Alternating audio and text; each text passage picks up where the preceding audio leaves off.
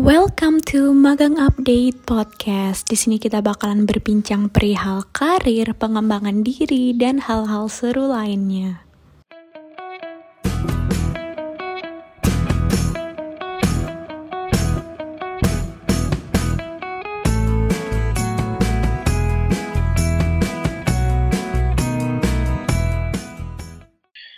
Halo teman-teman semuanya, selamat datang kembali di podcast Magang Update.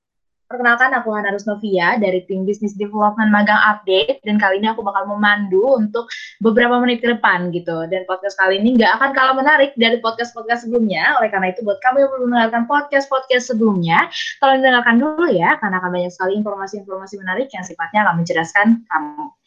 Nah, podcast kali ini akan sedikit sama dengan podcast sebelumnya, teman-teman. Uh, bahasnya internship-internship juga, cuma bedanya kalau podcast sebelumnya itu internship di magang update uh, untuk kali ini internshipnya bakal lebih meluas lagi yaitu di luar negeri gitu.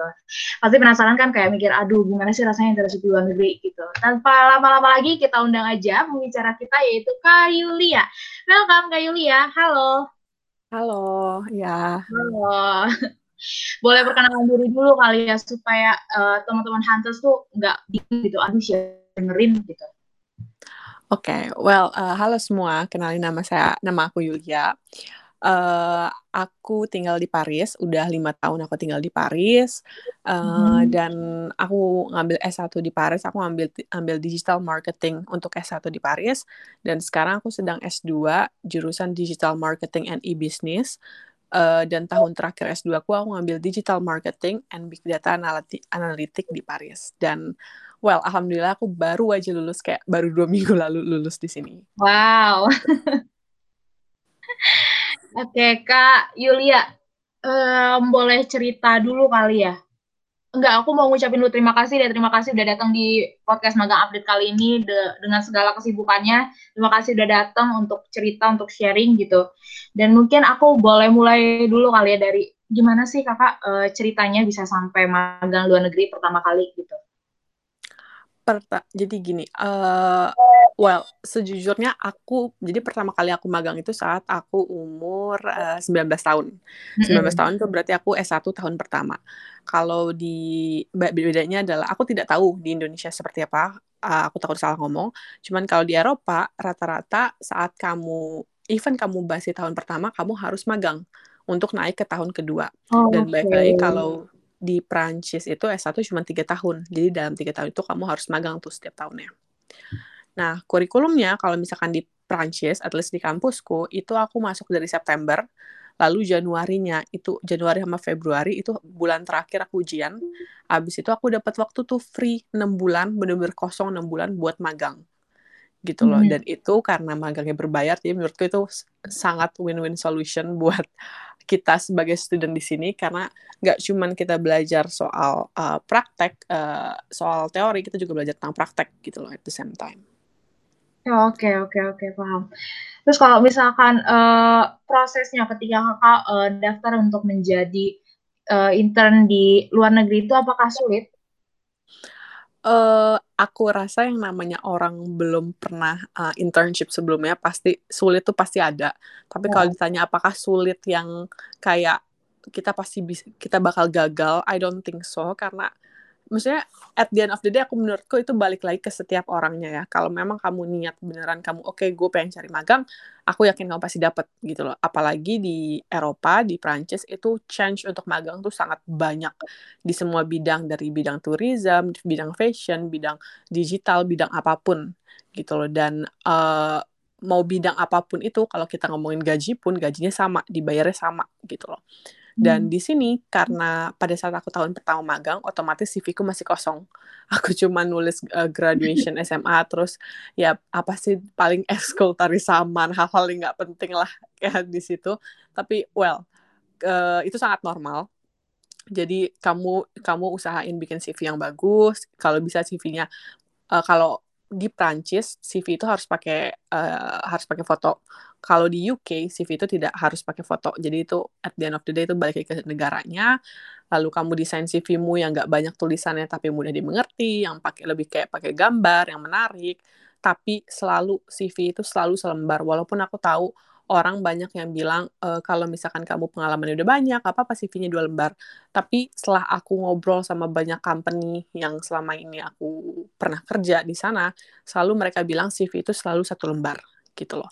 Jadi bikin CV satu lembar di situ aku pribadi karena kita udah di zaman digital jadi aku nggak pernah ngerasa belum pernah sekalipun ngerasain yang kayak di film-film kamu bawa CV ke tempat-tempat kerja untuk naro. Tapi aku semuanya itu lewat uh, website jadi kayak kamu naruh CV-mu website di website paling lama kayak uh, paling sehari kamu udah bisa 50 klik klik klik cuman kayak post post post doang di situ di company dan biasanya dari 50 minimal ada 1 2 3 4 lah ada initial responnya gitu loh. Oke, okay. Oke tuh. Uh, tapi berarti kalau misalkan mau internship luar negeri ini harus bisa bahasa Inggris dong ya pastinya? Apa enggak? Oh iya, yeah, of course. Ke, uh, balik ke negaranya ya, kalau di Prancis itu kan uh, Paris terutama di Paris itu kan berkota internasional di mana semua uh, keluarga negaraan tuh ada di sini. Tapi karena di Prancis itu kita sangat menghargai orang yang bisa bahasa Prancis. Bahkan even kalau kamu pernah ke Paris dan uh, teman-teman ada yang pernah ke Paris, terus kalian pernah nanya jalan ke polisi, kadang tuh ada juga polisi yang kalau kamu nanya jalan pakai bahasa Inggris mereka diemin gitu loh karena mungkin untuk beberapa orang di Prancis itu kurang polite saat kamu datang ke negara mereka dan kamu tidak bisa bahasa mereka. Jadi kalau aku, aku selalu bikin CV bahasa Inggris dan bahasa Prancis, tergantung company-nya. Kalau misalkan uh, uh, dia ngepost uh, ada ada tempat kosong pakai bahasa Inggris, jadi aku kirim CV-nya bahasa Inggris atau enggak yang bahasa Prancis kayak gitu loh. Tapi nah, of course minimal harus bisa bahasa Prancis, eh bahasa Inggris, sorry. Oke oke paham paham. Tapi kalau misalkan internship di luar negeri nih kak, kira-kira hmm. uh, kulturnya beda nggak sih dengan di Indonesia? Ngerasanya oh, parah. Gimana? Oh gila oh, parah. parah. Aduh, sorry. Aku nggak boleh mau kasar sih. gila bener bener parah parah parah. Wah, beda banget. Parah gimana, parah gimana? pasti ya pasti beda banget gak sih cuman balik lagi ya uh, maksudnya aku uh, I saw that coming juga. Jadi at the same time kayak ya udah. Tapi awal aku internship itu bener-bener yang kayak oke okay, aku ada masalah bahasa Prancis even aku belajar bahasa Prancis dan dari aku S1 kelasku tuh pakai bahasa Prancis tapi tetap aja yang namanya kamu kerja dengan seseorang dan kamu tuh dibayar gitu loh. Ini bukan kayak kerja sukarela kamu dibayar. Dan uh, tiba-tiba ada masalah di kantor segala macam kadang tuh bos atau atasan kita tuh ngomongnya cepet banget. Dan gue tuh yang uh, gue tuh yang kayak woi bisa bentar dulu gak sih? Bisa gue bisa translate dulu gak? Gitu loh. Karena dan aku tuh aku tuh berkali-kali inget banget aku pernah kali internship aku berkali-kali sering nangis di toilet. Aku tahu ini terkesan sinetron tapi bener. Karena iya paham paham karena tapi, I, don't, I, I don't think ada orang yang nangis di toilet seumur umur 19 tahun tapi oh gue baru God. ngerasain pas di sini. Pasti ya, maksudnya pasti kulturnya beda. Tapi aku eh, nggak uh, nyesel nggak nyesel sama sekali. Dan apa pun culture-nya mau di Indonesia misalnya kamu kerja di company swasta di Indonesia atau company negeri pun uh, atau publik pun itu pasti culture-nya beda. Gitu loh. Hmm. itu udah udah udah udah poin pentingnya. Dan apalagi kalau kamu di benua orang itu pasti culture-nya makin beda. Cuman at the end of the day aku yakin kayak justru karena culture-nya beda di situ kayak kita bisa assess diri sendiri kita bisa improvement di situ loh. Oke. Okay. tapi pasti pressure banget ya maksudnya tinggal di negeri orang di luar dari zona nyaman kita juga. Banyak banget yeah. pasti pressure-nya. Tapi kalau misalkan ngomongin pressure gimana kakak manage gitu loh pressure-nya? Kakak biasanya apa uh, enter uh, yang bisa entertain kakak itu kayak gimana gitu? Uh, aku nggak bisa bilang kalau misalkan what I did is the right thing karena kadang yang sesuatu yang works for me belum tentu uh, works for you gitu loh dan mm-hmm. apa namanya bilangnya hmm, pada contohnya pada saat aku di companyku jadi teman-temanku tuh semua kalau misalkan makan siang rata-rata ngerokok. Jadi kalau di Prancis itu mm-hmm. aku nggak ngerokok dan teman-temanku tuh ngerokok. Jadi kadang aku tuh kalau makan siang jam 12 aku tuh udah lapar banget karena namanya orang Indonesia biasanya sarapan nasi goreng di sini. Aku nggak sarapan kadang karena udah terbiasa di sini atau cuma ngopi. Jadi jam 12 tuh bener-bener aku butuh makan gitu loh. Sedangkan kalau ngikutin teman-teman itu mereka cuma ngerokok sama ngopi. Kamu paling satu croissant hmm. satu roti gitu doang. Dan kadang kalau dalam posisi itu aku harus misah karena aku harus makan sendiri. Tapi kalau aku misah aku makan lebih lama pasti aku baliknya ke kantor lebih lama. Sedangkan teman-temanku udah start duluan. Jadi dari situ jadi kayak ada merasa nggak enak sendiri. Udah gitu ada temanku juga yang nanya kayak uh, Yulia dia nanya kamu kan orang Islam? Deja kalau uh, di Perancis itu kan ateis kita okay. majority itu ateis. Jadi uh, mereka tidak paham uh, kalau aku harus sholat intinya begitu. Atau kenapa aku tidak makan babi aku tidak makan ham itu mereka nggak paham. Jadi aku harus jelasin berkali-kali kalau misalkan itu tuh penting gitu loh. Dan some people respect kayak oh Yulia nggak makan ham. Jadi kalau kita makan rame-rame di uh, company jangan pesen ham misalkan gitu. Some people akan ada yang biasalah mulutnya kayak ke malah jadi ngebahas tentang agama gitu loh. Dan di saat itu juga aku nggak merasa uh, maksudnya aku nggak bilang kalau aku juga orang yang baik-baik banget tapi aku mencoba uh, taat sama agama agamaku jadi saat itu itu kayak conversation yang harus aku hindarin karena aku juga takut aku gak bisa jawab kalau dia nanya soal agama jadi walaupun culture-nya beda the only thing I did adalah ya jalanin aja. Yang pasti di depan mereka aku tuh harus kelihatan strong walaupun uh, some people akan berpikir ah itu di luarnya doang aslinya itu orangnya seperti ini misalkan gitu. Tapi karena kita baru kenal jadi aku harus kasih tahu mereka statement aku sebagai as a person prinsip aku tuh di mana gitu loh dalam beberapa hal. Dan kalau sampai rumah ya balik lagi kadang aku nonton Korea kadang aku uh, ngobrol teleponan sama teman-teman maksudnya sama yang di Indonesia. Jadi jangan sampai aku berpikir jangan sampai kamu tinggal di negara orang atau kamu tinggal di benua orang. Jadi mindsetmu terlalu uh, apa bahasanya terlalu ngikutin negara kamu tinggal. Dan pada saat aku ngobrol sama teman Indonesia kadang aku gak nyambung. Jadi aku sempat ngalamin gitu juga. Makanya aku selalu coba oke okay, kalau misalkan abis kerja di tempat Prancis aku ngobrol juga tanya-tanya sama teman yang kerja di Indonesia atau magang di Indonesia seperti apa gitu loh oke okay. Kak Yulia cool banget mm -hmm. ya bener-bener cool banget aku terus ngeliatnya kayak independen banget gitu maksudnya. Aku oh. penasaran uh, motivasi motivasi kakak uh, untuk pergi keluar gitu ke luar negeri itu apa gitu?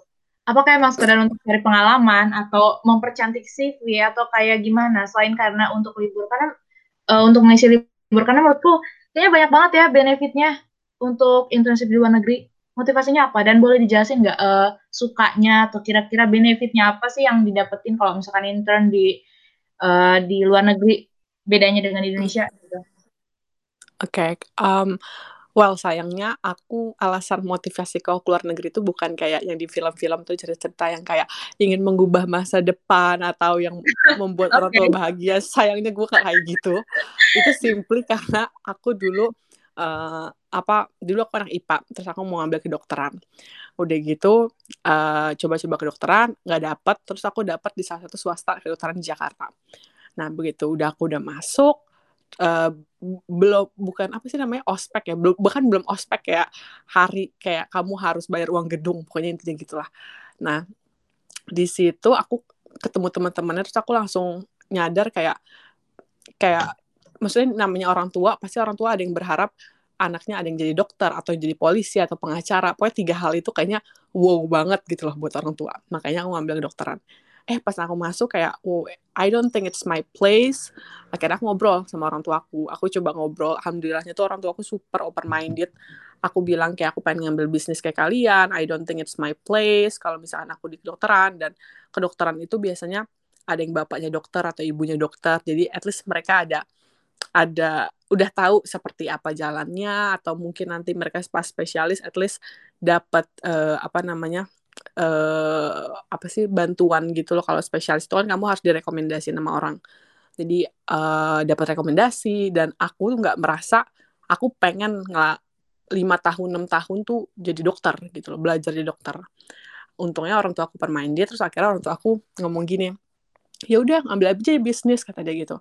Terus aku bilang tapi udah telat mah udah pada penutupan tuh kan semua uh, universitas. Jadi aku ngambil gap year.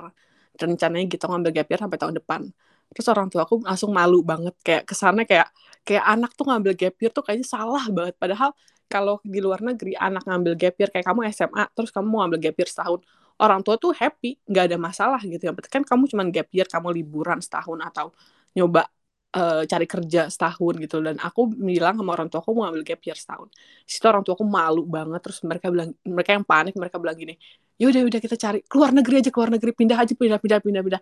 Jadi pada saat itu kayak mereka mindsetnya kayak ah bodo amat anak gue gak di Jakarta yang jauh di luar benua juga gak apa-apa yang penting gue gak malu gitu yang penting dia si Yulia ini gak nggak nganggur gitu selama setahun. Akhirnya uh, aku tahu kalau di Eropa masih buka Jerman Prancis masih buka terus akhirnya aku decided untuk ngambil di Prancis. Dan alhamdulillah dapet di Prancis dan aku pikir oh oke okay, emang jalan yang di atas dapetnya di Prancis. Kalau misalkan ditanya nyesel gak pindah ke Prancis? Of course not.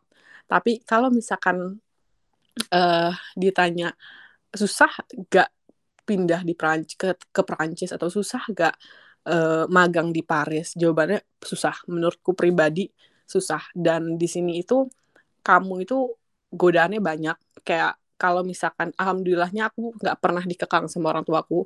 Jadi aku ngerasa aku sampai sini pun aku nggak kaget. Tapi untuk beberapa orang aku yakin akan kaget. Apalagi kalau misal misalkan dia SMA-nya di pesantren, terus orang tuanya misalkan ngekang dia, terus dia ke sini, itu kayak kamu mau ngapain pun di sini bisa. Kamu mau beli apa pun bisa dan gampang. Kamu mau melakukan apa pun di sini bisa. Dan Perancis itu sangat open minded, sangat internasional orangnya di Paris terutama. Jadi di situ godaannya, itu yang pertama. Yang kedua, eh, kalau misalkan kamu orangnya ada prinsip, at least menurutku orang setiap aku pada saat aku umur 19 tahun aku juga belum ada prinsip. Aku belum tahu aku tuh orangnya seperti apa aku pengen jadi apa. Tapi aku yakin satu hal gue tuh yakin gue pengen ngebahagiain orang tua gue. Gue yakin kalau misalkan uh, apa yang aku kerjakan sekarang mau itu uh, baik atau buruk itu akan ada hasilnya di ke depannya. Jadi itu cuma prinsipku satu-satunya pada saat aku 19 tahun. Jadi aku cuman ya jalanin aja hidup ke mana aku ikutin arahnya aku nggak peduli uh, orang ngomong apa uh, pada saat itu karena aku kan banyak ngerjain part time dari part time jadi neni dan di sini neni tuh gaji gede banget. Uh, ngurusin anak walaupun cuma tiga jam. Jadi kalau di film-film tuh ada yang orang tuanya party malam terus dia nelfon neni buat nemenin anaknya tidur doang. Misalkan tuh aku pernah jadi neni pernah kerja di restoran pernah kerja di toko pernah kerja di Kenzo sampai kerja di company company digital tuh pernah. Jadi semuanya aku pernah cobain. Walaupun kalau misalkan aku cerita ke temanku di Indonesia kadang mereka sumpah lo jadi neni? Kayak sumpah lo kayak serendah itu gitu loh. Padahal di sini tuh di Eropa itu lo anak pejabat aja lo banyak yang kerja jadi neni gitu loh. Jadi bener-bener nggak ada kita tuh nggak ada nggak ada apa bahasa ya nggak ada nge berpikir rendah soal kerjaan orang lain gitu loh. Dan kalau misalkan apa sih uh, benefitnya magang di sini? Otomatis kamu belajar uh, cara berpikir banyak orang. Jadi satu hal yang aku pelajarin ada di sini selama aku hidup di Paris adalah kalau kamu di Indonesia, it's a very good thing. Aku nggak bilang orang Indonesia itu bodoh. Aku juga tidak bilang kalau misalkan orang yang magang di Indonesia itu pasti ilmunya lebih dikit dibanding orang orang yang magang di luar itu no, I don't think so. Tapi satu hal yang aku bisa bilang adalah kalau kamu magang di luar negeri, kamu akan jadi orang yang sangat open minded. Mungkin, mungkin kamu nggak bener-bener dapetin ilmunya, tapi at least minimal kamu sebagai as a person, kamu akan mengerti oh bagaimana sih cara melihat suatu masalah dari beberapa point of view gitu loh, nggak cuma dari pandangan uh, orang yang tinggal di Indonesia, tapi dari pandangan juga orang yang tinggal di luar negeri, yang tinggal sendiri di apartemen tapi kerja sama company Italia tapi sahabatnya orang kasarnya orang Afrika sahabatnya. Jadi kamu harus belajar dan ah, itu yang aku dapetin di sini gitu loh. Jadi aku bener-bener dapat belajar setiap ada isu masalah uh, soal sosial uh, dan kadang orang Indonesia uh, banyak berkoar soal satu isu masalah. Misalkan terus si, di Instagram rame penuh komen-komen dan aku tuh berpikir yang beda dari hal itu.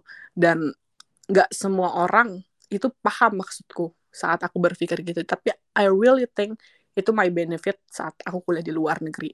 Dan apalagi balik lagi kita nggak munafik sekarang 2020 jadi link itu sangat penting. Dan aku merasa uh, kalau kamu kuliah di luar negeri linkmu makin banyak. Nggak cuma link orang Indonesia tapi link orang-orang Indonesia yang di sini tapi tinggal aku punya teman dari Papua terus tinggal di Eropa dari Jerman aku punya teman yang di Afrika udah gitu uh, dia pindah ke sini.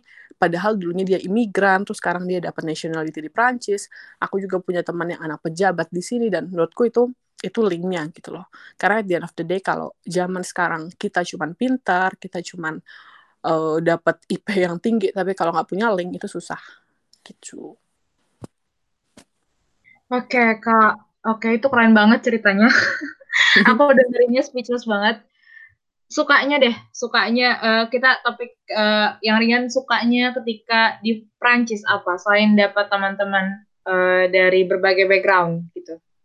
Oke, sukanya soal magang nih. Kita ngomongin soal magang. Apa soal yeah. tinggal?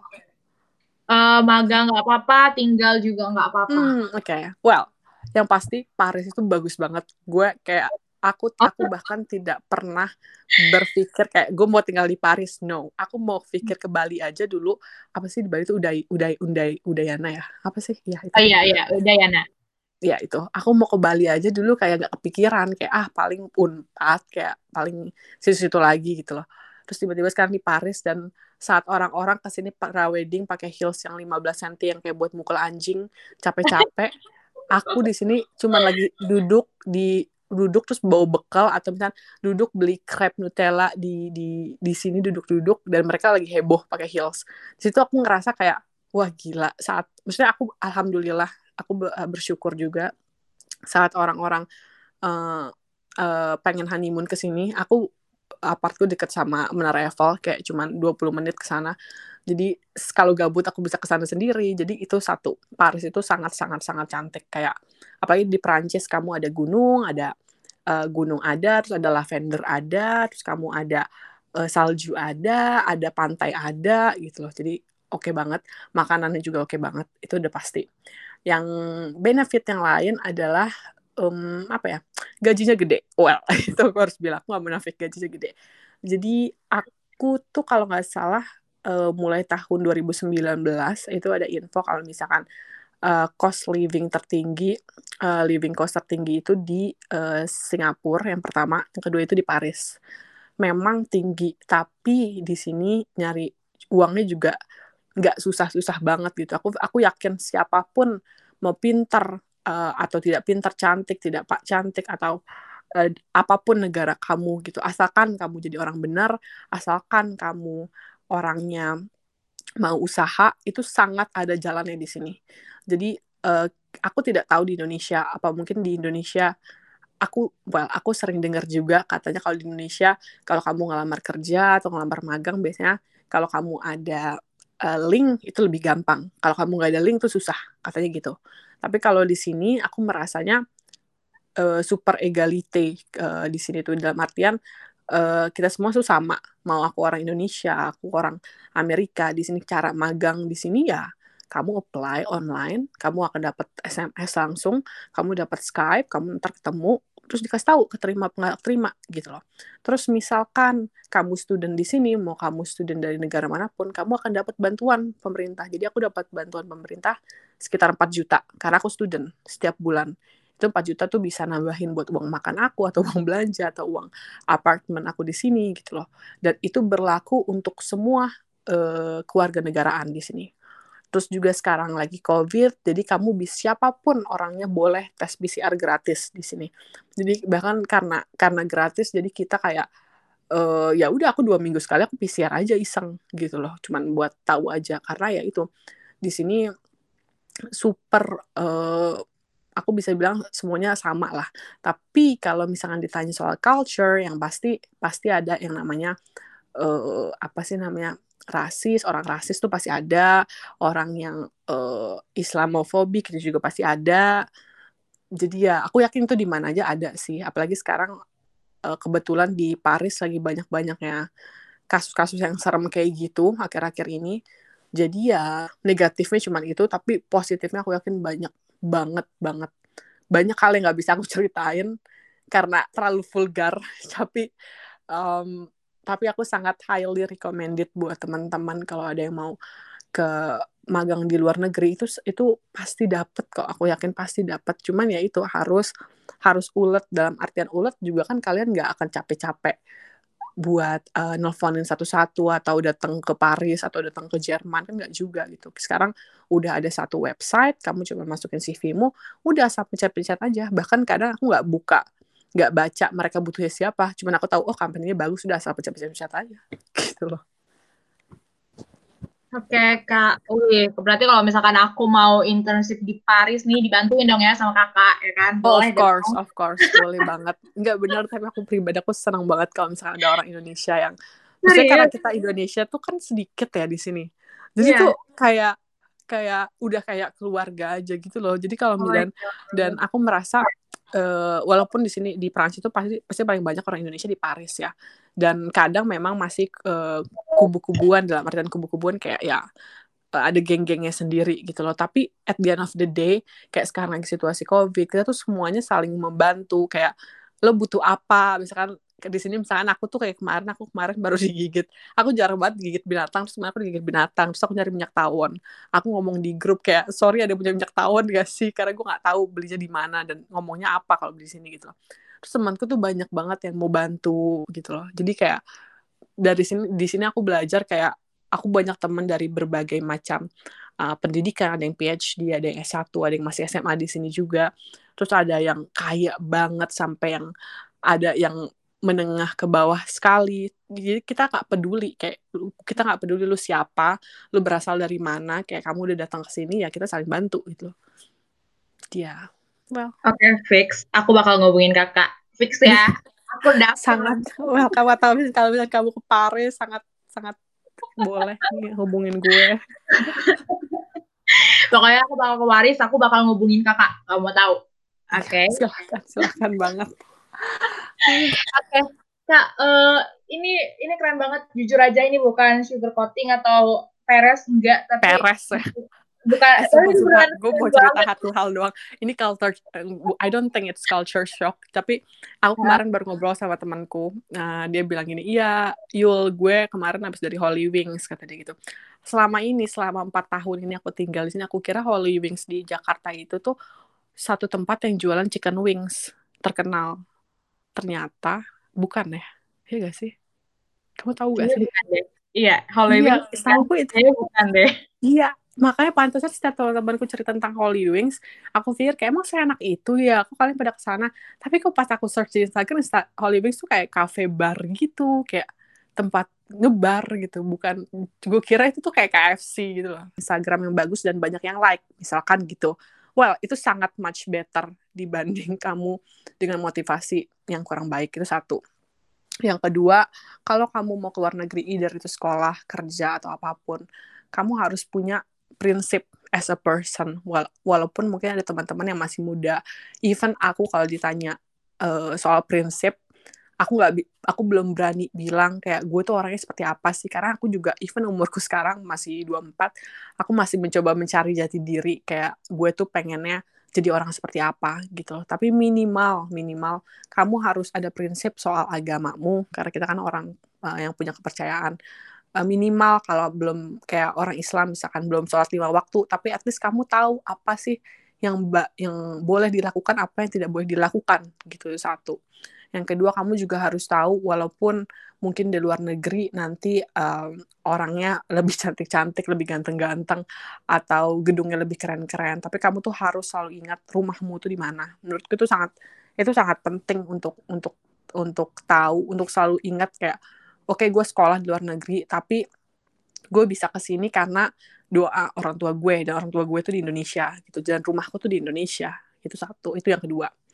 Yang ketiga um, kalau misalkan mau kerja di luar negeri selalu uh, coba bahasanya contoh kalau kamu mau kerja di uh, mau magang di Jerman coba pelan-pelan pelajarin bahasa Jerman pasti yang pasti bahasa Inggris sudah pasti ya kamu udah harus bisa bahasa Inggris. Tapi apakah bahasa Inggrisnya harus bagus banget kak? No. Bahasa Inggris yang penting kamu bisa mengerti orang ngomong, kamu bisa ngomong dan itu udah sangat so much better. Karena even kalau aku tidak kalau di Australia atau di Amerika kan pasti orangnya udah pakai bahasa Inggris. Tapi kan kalau di Eropa itu seti uh, setiap negara rata-rata ada bahasanya masing-masing gitu kan.